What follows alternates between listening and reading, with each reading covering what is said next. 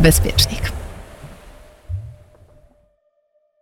Cześć, dzień dobry. Witam Was w drugim odcinku podcastu Bezpiecznik. Ja nazywam się Jojurga i dziś z radością opowiem Wam o tym, jak postrzegamy przestrzeń, czyli o relacji natury i architektury.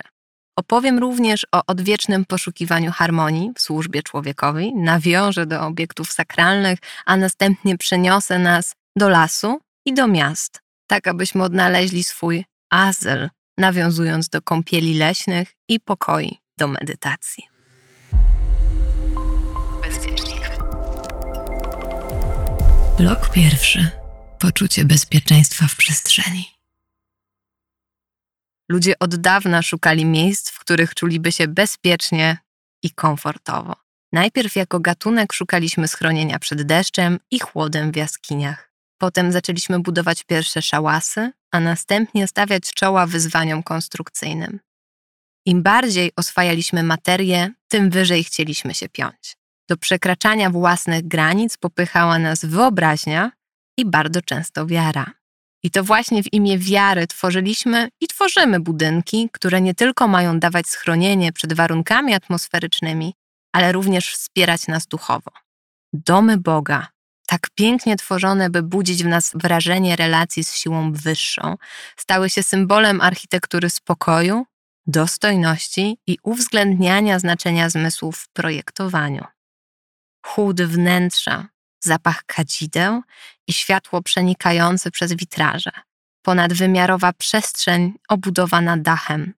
Wszystkie te czynniki onieśmielały, dodawały metafizyczności w codziennych trudach życia i dawały nadzieję.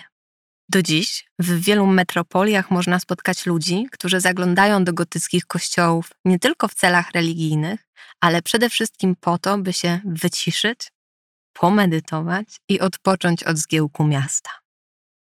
Obecnie wiele osób w celu uporania się z zaburzeniami psychicznymi, stanami lękowymi, niepokojem czy zwykłym zmęczeniem decyduje się na spędzenie urlopu w odosobnieniu, wybierając położone w przepięknych miejscach klasztory różnych religii. Cisza, kontakt z naturą, proste życie według jasno określonych reguł, brak bodźców zewnętrznych i często pierwsza od wielu lat okazja do spędzenia czasu samemu ze sobą i lub Bogiem pozwala ludziom odzyskać harmonię. Brzmi to dla Was znajomo? Wybralibyście się na taki urlop?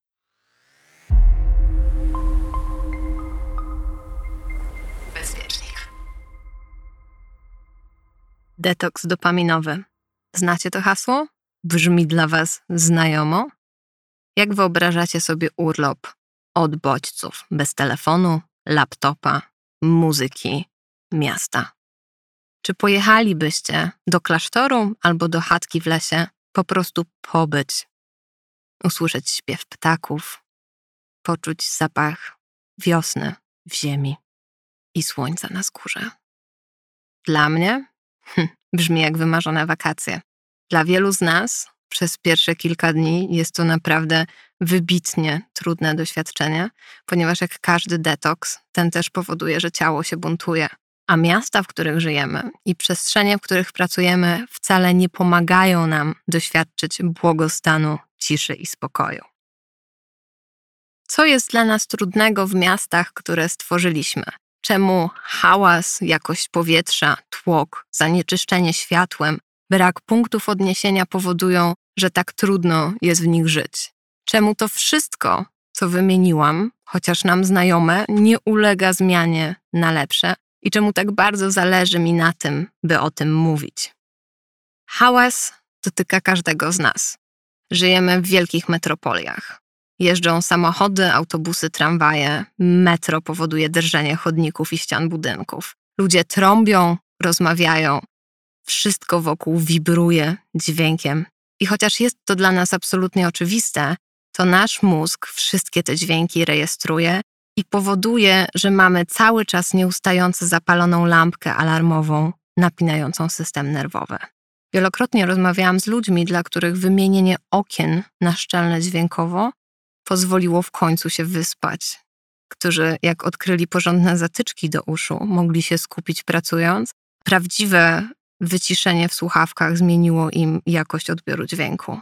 To nie jest tak, że to, co mamy zastane, jest jedyne i słuszne. I rozejrzenie się wokół siebie, czy miejsce, w którym mieszkamy, i czy jakość tej przestrzeni akustycznie jest rzeczywiście dla nas dobra.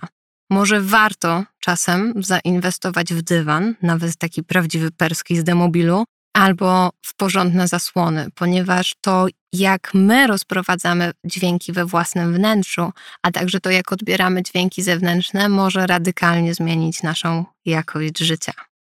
To samo dotyczy powietrza. Nie mamy do końca wpływu na to, jak, jakiej jakości powietrze mamy na zewnątrz, chociaż oczywiście możemy się przesiąść z samochodów na rowery i wiem, że to w moich ustach brzmi abstrakcyjnie. Ci, którzy mnie znają, wiedzą, że nie jeżdżę na rowerze, a kocham samochody z dużymi silnikami. Ale to jest tak, że mamy wpływ na to, jakie powietrze mamy w domu.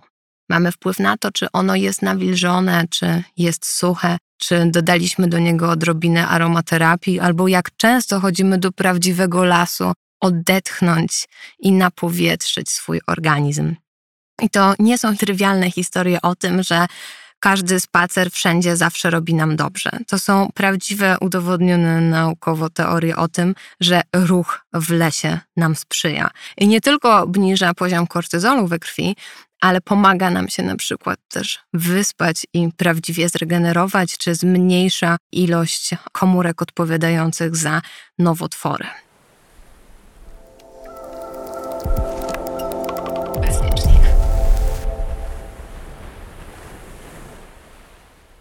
Kolejnym takim trudnym tematem w mieście jest tłok. Na pewno większość z Was widziała dopychaczy w metrze w Japonii. Oni naprawdę istnieją. Chociaż byłam w Japonii wiele lat temu, to ten element doznawania Tokio niezwykle zmysłowy, bo jakby na to nie patrzeć, tłok jest bardzo zmysłowym doświadczeniem. Zapadł mi w pamięci do dziś. I choć w tej chwili tłok odbieramy coraz rzadziej, bo czasy postpandemiczne nie służą temu, by być w dużych skupiskach ludzkich, to jednak wielość ludzi, która żyje wokół nas, powoduje, że jesteśmy niezwykle anonimowymi jednostkami w wielkich ludzkich skupiskach.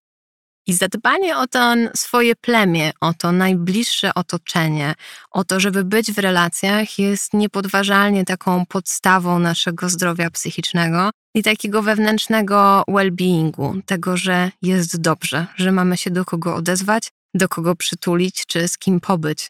Dlatego, bo ludzie są nam potrzebni, jesteśmy zwierzętami stadnymi. A tłok? Hm, relacja do tłoku nam się zmienia. Moi studenci ostatnio zauważyli, że po tym roku w zamknięciu tłok zaczął ich przerażać. I to przerażać ich na poziomie, że tak, można się czymś w grupie ludzi zarazić, ale również tego, że tłok jest nieprzewidywalny, ludzka masa nie kieruje się logiką i że budzi w nas to jakiś taki pierwotny instynkt tego, że to nie jest bezpieczne. Czy jak można było jeszcze latać samolotami i lądowaliście w nocy nad jakimś miastem, zwróciliście uwagę, jak długo przed tym miastem rozpościera się jego łuna? Albo czy próbowaliście kiedyś zobaczyć gwiazdy w centrum Warszawy? Czy skupiliście się na tym, jak bardzo nasza przestrzeń jest zanieczyszczona światłem. Poza zanieczyszczeniami powietrza atmosferycznymi, zanieczyszczeniami wody, bardzo często zapominamy o tym, jak daleko odeszliśmy od naszego pierwotnego życia w naturze. Nasze miasta świecą, błyszczą, emanują ogromną ilością światła. I oczywiście jest tak, że to światło daje nam poczucie bezpieczeństwa. Jesteśmy w stanie bezpiecznie wracać nocami do domu. Ale z drugiej strony to światło też się wdziera do naszych mieszkań, do naszych sypialni, fantastycznie zaburza nam rytm dobowy i utrudnia zasypianie. W bardzo wielu domach i mieszkaniach można zauważyć sytuację, że w ciągu nocy jest równie jasno jak w ciągu dnia, ponieważ lampa oświetlająca ulicę jest umieszczona na elewacji budynku albo jest umieszczona na wysokości okien.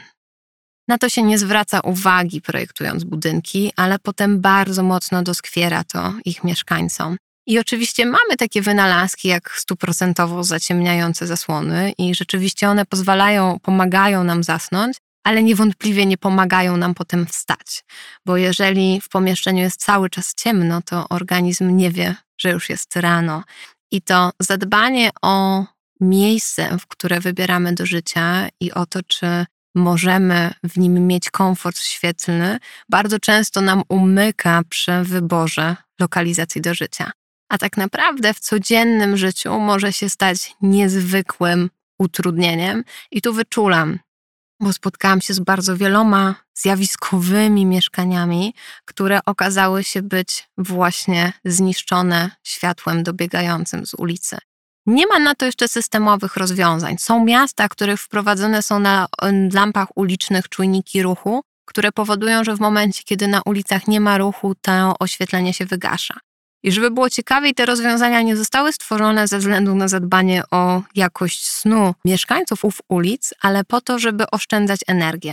Bo rzeczywiście e, koszty oświetlenia miast są gigantyczne. I pamiętam, że jak pandemia wybuchła rok temu w marcu, to w kwietniu albo w maju prezydent Krakowa zadecydował, że na noc będzie wyłączał oświetlenie części miasta, ponieważ i tak nikt z tych ulic nie korzysta. Mieli takie dane z monitoringu miejskiego, a wyszło, że może zaoszczędzić w ten sposób kilkanaście tysięcy złotych dziennie. Więc to pokazuje, jaka to jest skala, żeby utrzymać jasność i to takie złudne tak naprawdę poczucie bezpieczeństwa, a szczególnie kiedy śpimy na naszych miejskich ulicach.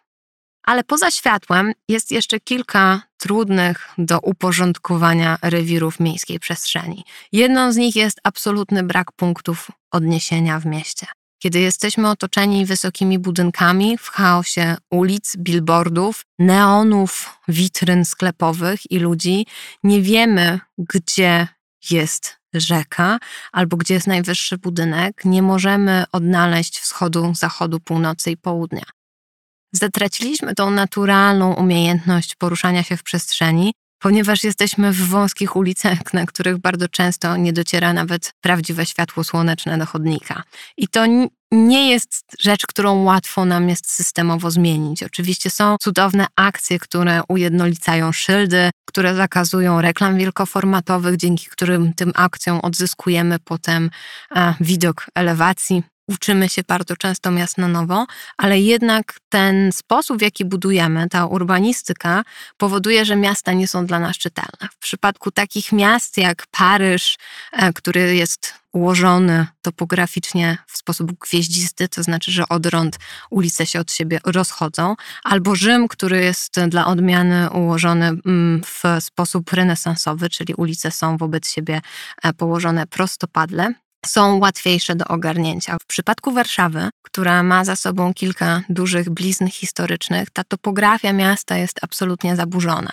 Tak naprawdę w Warszawie moglibyśmy poprowadzić lekcje historii architektury od wczesnego średniowiecza do czasów współczesnych i znaleźlibyśmy przykłady na każdy z tych okresów, ale żadnej kontynuacji. Co powoduje, że Warszawa jest niezwykle fascynująca architektonicznie, ale też niezwykle nieuporządkowana, co nie ułatwia w niej poruszania. Przydałby nam się taki Hausmann, który zarządził w XIX wieku uporządkowanie Paryża, czyli taka koncepcja zaprowadzenia absolutnych porządków w mieście. I oczywiście spowodowało to zniszczenie całej gotyckiej części miasta i, i zabrało dużą część historii Paryża, ale jednak spowodowało, że te bulwary, które zawsze robią na turystach takie wrażenie szerokie i pięknie wykończone drzewami, wyglądają jak dobre i jasne przestrzenie do życia. Taką kontynuacją problemu z punktem odniesienia jest właśnie bałagan wizualny. My jesteśmy na czele w Europie, jeżeli chodzi o kraje, które nie mają odpowiednich przepisów dotyczących reklam wielkoformatowych, czy w ogóle sposobu komunikacji wizualnej w mieście. I choć coraz więcej miast ma spójny system określania ulic czy najbliższych szpitali czy policji, to e, w całości ta komunikacja nie jest określona. Możemy znaleźć całe dzielnice pokryte gigantycznymi szmatami reklamowymi. I niestety e, nie będę ukrywać faktu, że nie jestem fanką takich rozwiązań. Bałagan wizualny nie tylko odbiera nam szansę dostrzeżenia architektury miasta, czyli poznania tej tkanki prawdziwej, budowlanej i historii miejsca, ale również powoduje nieprawdopodobne przebodźcowanie. A od czasu, kiedy w mieście pojawiły się też e, gigantyczne billboardy, ale elektroniczne, gigantyczne ekrany, które jeszcze świecą, migają i pokazują zmieniające się komunikaty, to spowodowało, że nam jest jeszcze trudniej w tym mieście obcować i w tym mieście się poruszać. Bo wychodzimy z metra, w którym są ekrany reklamowe, wchodzimy na ulice pełne kolejnych reklam, a w ręku mamy telewizor, który też. A w ręku mamy telefon, który też nas atakuje ogromną ilością bodźców wizualnych. Jak dołożymy do tego wspomniany hałas, zanieczyszczenie powietrza, bałagan świetlny i tłok, to nie dziwne, że sama droga z pracy do domu może być niezwykle męcząca, a spacer po najbliższej okolicy nie będzie formą relaksu, ale niestety będzie formą cichej tortury. Bezpiecznik.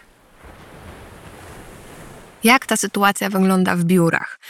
Obecnie przestrzenie biurowe są w większości nieużywane, ale mamy pewne spostrzeżenia z ostatnich lat, które pokazały, jak bardzo podejście do przestrzeni biurowych się zmieniło. Zresztą nieustająco mimo pandemii od roku oddajemy niesamowite ilości metrów przestrzeni użytkowych. Wiele firm zakłada, że wróci do pracy biurowej, jednak zastrzegają, że będzie to forma hybrydowa.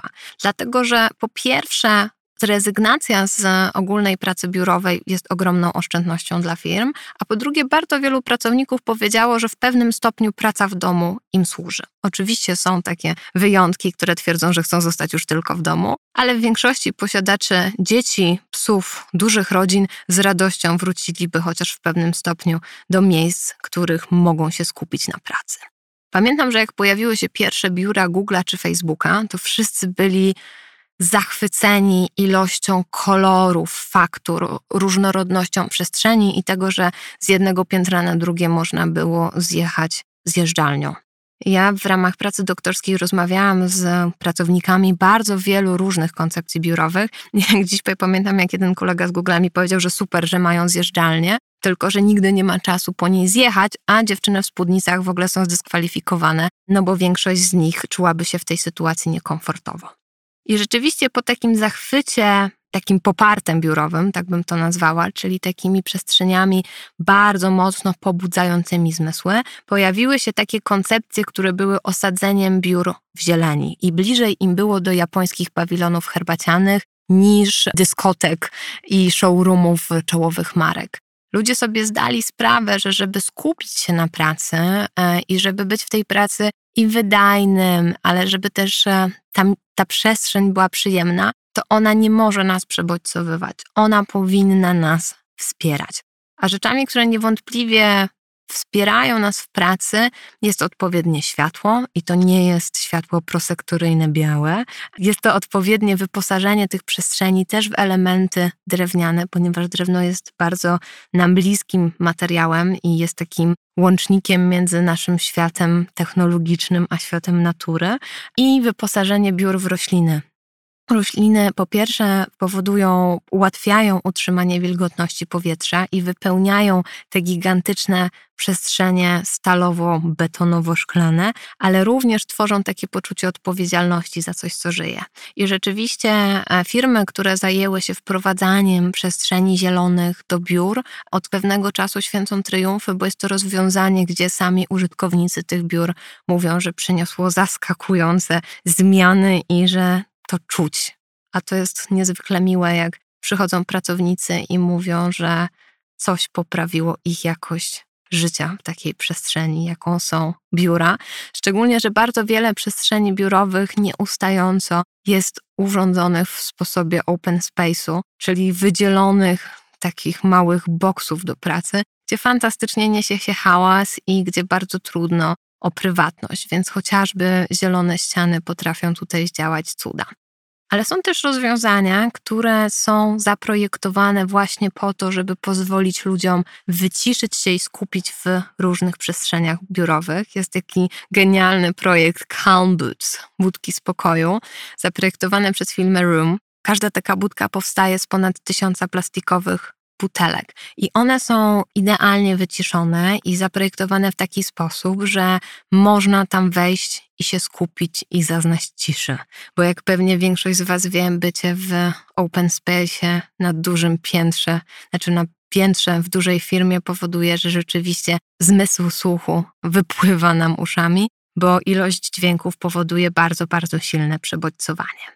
Taką alternatywą dla budek spokoju w firmach, które nie chciały inwestować czy nie chcą inwestować w rozwiązania tego typu, um, okazała się koncepcja biura projektowego AIDA Studio, które stworzyło autobus do medytacji, taką mobilną salę medytacyjną nazwaną B-Time. Strasznie fajny koncept takiego oldschoolowego, metalowego, srebrnego autobusu, do którego w porze lunchu można się było udać na sesję medytacyjną i ja Wam podrzucę te przykłady w social mediach, dlatego, bo one bardzo fajnie rozwiązują naszą potrzebę wyciszenia się, kiedy cały dzień spędzamy na bardzo wysokich obrotach w tych przestrzeniach biurowych. Jestem przekonana, że nawet w czasach, kiedy większość z nas pracuje w domu, to taki osobny pokój ciszy każdemu z nas by się przydał. I ten pokój wyciszenia został też zaobserwowany przez właścicieli Centrum Handlowego Galeria Katowicka, którzy stwierdzili, że dla ludzi z wszelkimi zaburzeniami sensorycznymi, czy dla małych użytkowników, mm, jest potrzebna przestrzeń, gdzie jak na przykład jedno z rodziców robi zakupy, to drugie może się udać z dzieckiem i wyciszyć, albo jeżeli samemu przychodzimy i po prostu w pewnym momencie ilość bodźców nas wykańcza. Galerie handlowe mają to do siebie, że bardzo szybko powodują przebodźcowanie, to właśnie taki taki pokój wyciszenia pozwala w ciągu kilku minut ochłonąć naszemu systemowi nerwowemu i powrócić do takiego stanu, kiedy po prostu jesteśmy w stanie kontynuować te zakupy. Powiem Wam zupełnie szczerze, że zastanawiam się, czy ten pomysł zostanie podchwycony. Dlatego, bo takie rozwiązania, żeby w przestrzeniach publicznych i na dworcach, i właśnie w sklepach, w galeriach handlowych, w muzeach, chociaż muzea same w sobie w większości służą wyciszeniu, ale na przykład przy dużych węzłach komunikacyjnych można było się gdzieś skryć i na chwilę zatrzymać w bezpiecznej przestrzeni, właśnie wyciszonej i z dobrym, miękkim, ciepłym światłem. Myślę, że myślę, że wielu z nas by się to naprawdę bardzo przydało w tym szalonym świecie. No dobra, ale co my możemy wszyscy zrobić z, tą, z tym przebodźcowaniem? I gdzie w mieście możemy szukać wsparcia. Bo oczywiście możemy się zapisać na sesje medytacyjne, ściągnąć sobie aplikację, e, poczytać mądre książki albo pójść do jakiejś grupy wsparcia medytacyjnego. Obiecuję Wam, że podcast o medytacji i uważności e, też będzie, bo, bo jest w planie. Jestem przekonana, że praktyka uważności jest niezwykle ważna niezależnie czy mieszkamy w mieście czy na wsi, ale jest kilka w tej chwili już można powiedzieć prawie systemowych rozwiązań, które mogą nam pomóc zbalansować nasze mm, udręczone bodźcami zewnętrznymi ciała. Jedną z ciekawszych koncepcji jest floating. I jest to pojęcie, które już jest coraz bardziej znane, czyli tak naprawdę deprywacja sensoryczna, jeszcze lepsze słowo, pewnie jeszcze trudniejsze. Deprywacja sensoryczna to jest odcięcie z bodźców zmysłowych. I powstały takie kabiny, które służą właśnie tej deprywacji sensorycznej i właśnie są nazwane floatingiem. Jaka jest historia tych przestrzeni? W latach, koniec lat 50., początek lat 60., szykowanie amerykańskich astronautów, a właściwie pilotów eksperymentalnych przez doktora Johna C. Lilliego do pierwszych misji w nieważkości.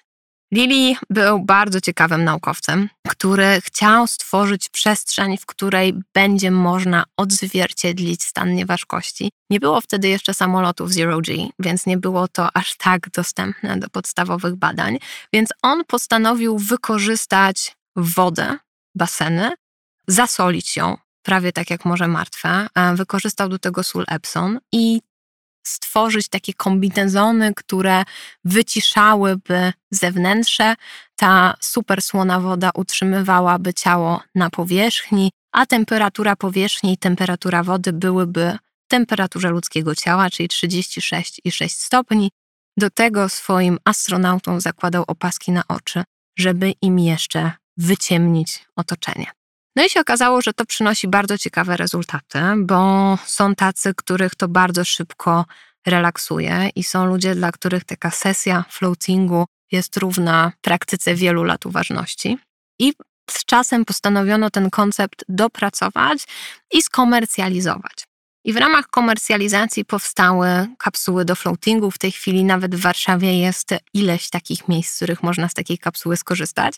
Mm, jest kilka rodzajów tych kapsuł. Jedna z nich wygląda jak takie otwierane muszelki i one są bardzo małe i tu odradzam. Ale są też takie duże kapsuły, które przypominają kontenerek z drzwiami i czym kapsuła jest większa, tym wrażenie nieważkości jest, e, jest fajniejsze.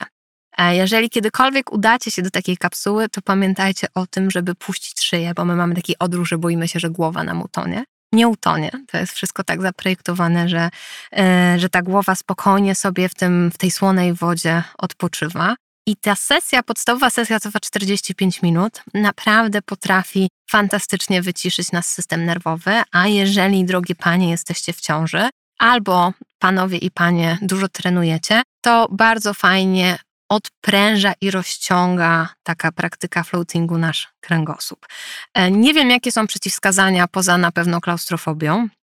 Chociaż możliwe, że można by taką kapsułę potraktować jako przestrzeń do oswajania swojego lęku. Na pewno nie polecam żadnych zadrapań na skórze, dlatego bo ta słona woda się super wtedy wżera. Ale poza tymi drobnymi minusami jest to fantastyczne doświadczenie. Kolejną praktyką opartą o działania zmysłowe jest praktyka otonamaki, stworzona przez profesora Nabuko Watanabe. Pan Watanabe pochodzi z Japonii i obserwując swoich momentami bardzo znerwicowanych kolegów obywateli stwierdził, że przydałoby się stworzyć terapię, która przeniesie nas w ten czas, kiedy byliśmy w brzuchu mamy, kiedy byliśmy otoczeni taką kapsułą spokoju. I umieszcza on osoby na terapii w elastycznej tkaninie w pozycji embrionalnej. Chociaż wygląda to chyba gorzej niż kaftan bezpieczeństwa, jak się patrzy na zdjęciach, i to też oczywiście Wam podrzucę, to tak naprawdę daje super efekty, ponieważ nasze ciało zaplecione w taką pozycję układa się w nim naturalnie. Te wszystkie krzywizny są naszemu systemowi nerwowemu i naszemu szkieletowi znane. Ten materiał jest bardzo elastyczną i oddychającą tkaniną. Taka sesja trwa około 20 minut. Jesteśmy ułożeni w bezpiecznej przestrzeni, a węzeł jest na tyle prosty, że wystarczy wyprostować nogi albo wyciągnąć ręce i ten cały nasz pakunek się rozplątuje. Jest to ciekawe pod tym kątem, że w tych czasach powszechności i dostępności terapii Coraz częściej i obserwuję to jako projektant, szukamy też rozwiązań projektowych i narzędzi, które pomagałyby ludziom odprężyć ich niezwykle napięte systemy nerwowe. I w tym wypadku zwykły kawałek elastycznej tkaniny okazał się być takim narzędziem. Czyli czasami powrót do bardzo podstawowych form potrafi przynosić realne skutki. Jednym z takich przykładów jest też kołdra obciążeniowa, o której z radością opowiem w kolejnych odcinkach, ale to też jest e, narzędzie, które powoduje, że nasz system nerwowy bardzo ładnie się rozpina, czyli się relaksuje.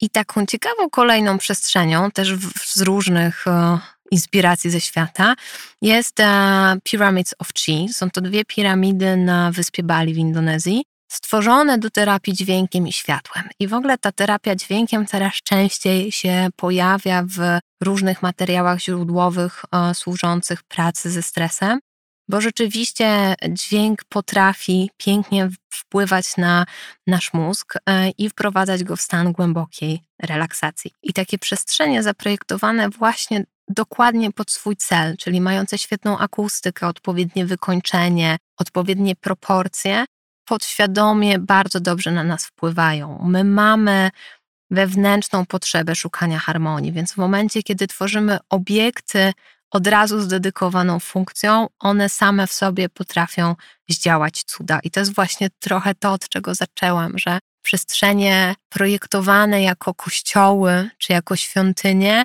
miały zaprojektowane funkcje, miały rozety, których światło padało na ołtarz, miały miejsce na kadzidła, żeby zapach się odpowiednio rozchodził, miały utrzymaną pewną wilgotność powietrza. I w momencie, kiedy nawet po latach ta pierwotna funkcja gdzieś straciła na ważności, to my możemy odczuwać, że te przestrzenie nam służą. I myślę, że to jest fantastyczne doświadczenie, żeby przenosić je na kolejne i kolejne projekty i powierzchnie. Ale nie byłoby mm, tych wszystkich powierzchni, tych wszystkich przestrzeni, tych różnych rodzajów terapii, gdyby nie nasza obserwacja natury, bo tak naprawdę to, że my z powrotem wprowadzamy rośliny do biur, to, że my wprowadzamy dźwięki do przestrzeni terapeutycznych, to, że staramy się operować odpowiednio światłem, to wszystko wynika z naszej a, potrzeby bycia w relacji a, e, z naturą. I w kontekście kontaktu człowieka z naturą, ważnym elementem miasta są parki i ogrody miejskie i uwzględniane są od wieków w planach urbanistycznych, służą nie tylko do odpoczynku i rekreacji, ale niepodważalnie stanowią również miejskie płuca, coś co w obecnych czasach jest bardzo ważne, bo są naturalnymi filtrami powietrza i tak naprawdę w każdym mieście duże parki miały też tą funkcję, żeby dostarczać odpowiednią ilość czystego tlenu do miast. Każda duża aglomeracja ma swój wyjątkowy park. Można by było powiedzieć, że dla Warszawy mogą być to Łazienki Królewskie albo Park Skaryszewski. W Nowym Jorku niepodważalny jest to Central Park, a w Melbourne Royal Botanic Garden, który też jest przepiękny. Nawet w miejscach, w których rozwój bardzo przyspieszył i które teraz radykalniej wykorzystują każdy centymetr kwadratowy przestrzeni, pojawia się potrzeba kontaktu z naturą. I tutaj genialnym rozwiązaniem, coraz bardziej powszechnym w architekturze, jest wykorzystywanie ogrodów wertykalnych, czyli tworzenia pionowych ścian zieleni, które przepięknie widać w Muzeum Sztuki Pozaeuropejskiej w Paryżu. To była pierwsza taka duża realizacja w Europie, która oparła się właśnie o ideę ogrodów wertykalnych, czy na przykład ściany Teatru Narodowego w Tajpej. Rozwiązania pionowych ogrodów pokazują, jak ważna dla człowieka jest koegzystencja z naturą, nawet w tak zwanej betonowej dżungli nowoczesnych miast. I udowadniają nam pozytywny wpływ nawet niewielkiej ilości zieleni na nastrój i funkcjonowanie człowieka i to jest niezależne od szerokości geograficznej, w której żyjemy. I tutaj na sam koniec jest historia kąpieli leśnych i jej wpływu na nasze zmysły, ponieważ są takie kraje jak Japonia, gdzie na recepcie od lekarza można dostać spacer w lesie.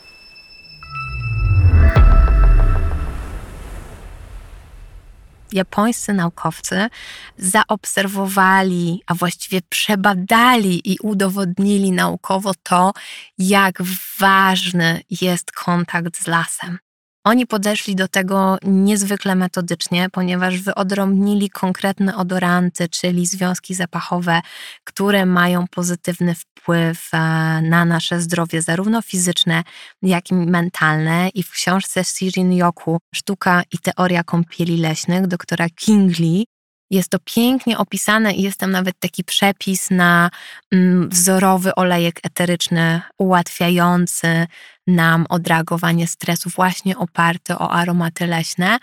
Ale te kąpiele leśne to nie jest tylko spacer w lesie i oddychanie leśnym powietrzem, czyli nie jest to tylko funkcja chodzenia i oddychania, ale są to też wszystkie te mikrodoznania. Jest to wilgotność tego lasu, jest to światło przebijające przez liście, zupełnie inaczej o różnych porach dnia i roku. Jest to szelest ziemi bądź liści pod stopami, jest to miękkość gruntu, po którym chodzimy. Jest to obcowanie z różnymi lasami, różną przyrodą na różnej szerokości geograficznej. I taką podstawą terapii lasem i kąpieli leśnej jest ta leśna obecność. To nie musi być długi spacer. To nie musi być wyprawa na, na kilka tygodni do, do lasu, do zjednoczenia się z naturą. Wystarczy 15-20 minut świadomej obecności w lesie i nasz system nerwowy naprawdę nam za to podziękuje, bo ilość wciągniętych antyoksydantów naprawdę zrobi nam niezwykle dobrze i ułatwi nam i sen. I tak jak wspomniałam na początku, obniży poziom kortyzolu. Mam do Was tylko jedną prośbę: zostawcie telefony wtedy w domu i wyjmijcie słuchawki z uszu. Spróbujcie usłyszeć, zobaczyć i poczuć, co dzieje się w tym lesie. A jako dodatkową lekturę polecam Wam Sekretne życie drzew, gdzie jest też piękna historia o tym, że drzewa mają puls i że przytulanie się do tych drzew wcale nie jest oznaką wariactwa i szamanizmu bądź satanizmu, tylko jest taką pierwotną potrzebą człowieka.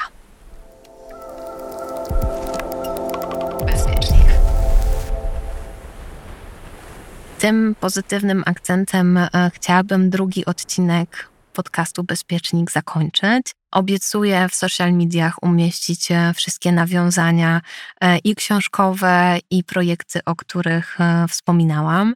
W nowej edycji magazynu Cookbook, który został kwartalnikiem, znajdziecie dużo materiałów ode mnie. W tym jest tekst o kąpielach leśnych, o aromaterapii, i o hydroponice, czyli domowej, pionowej uprawie roślin. Bardzo serdecznie Was zachęcam i polecam.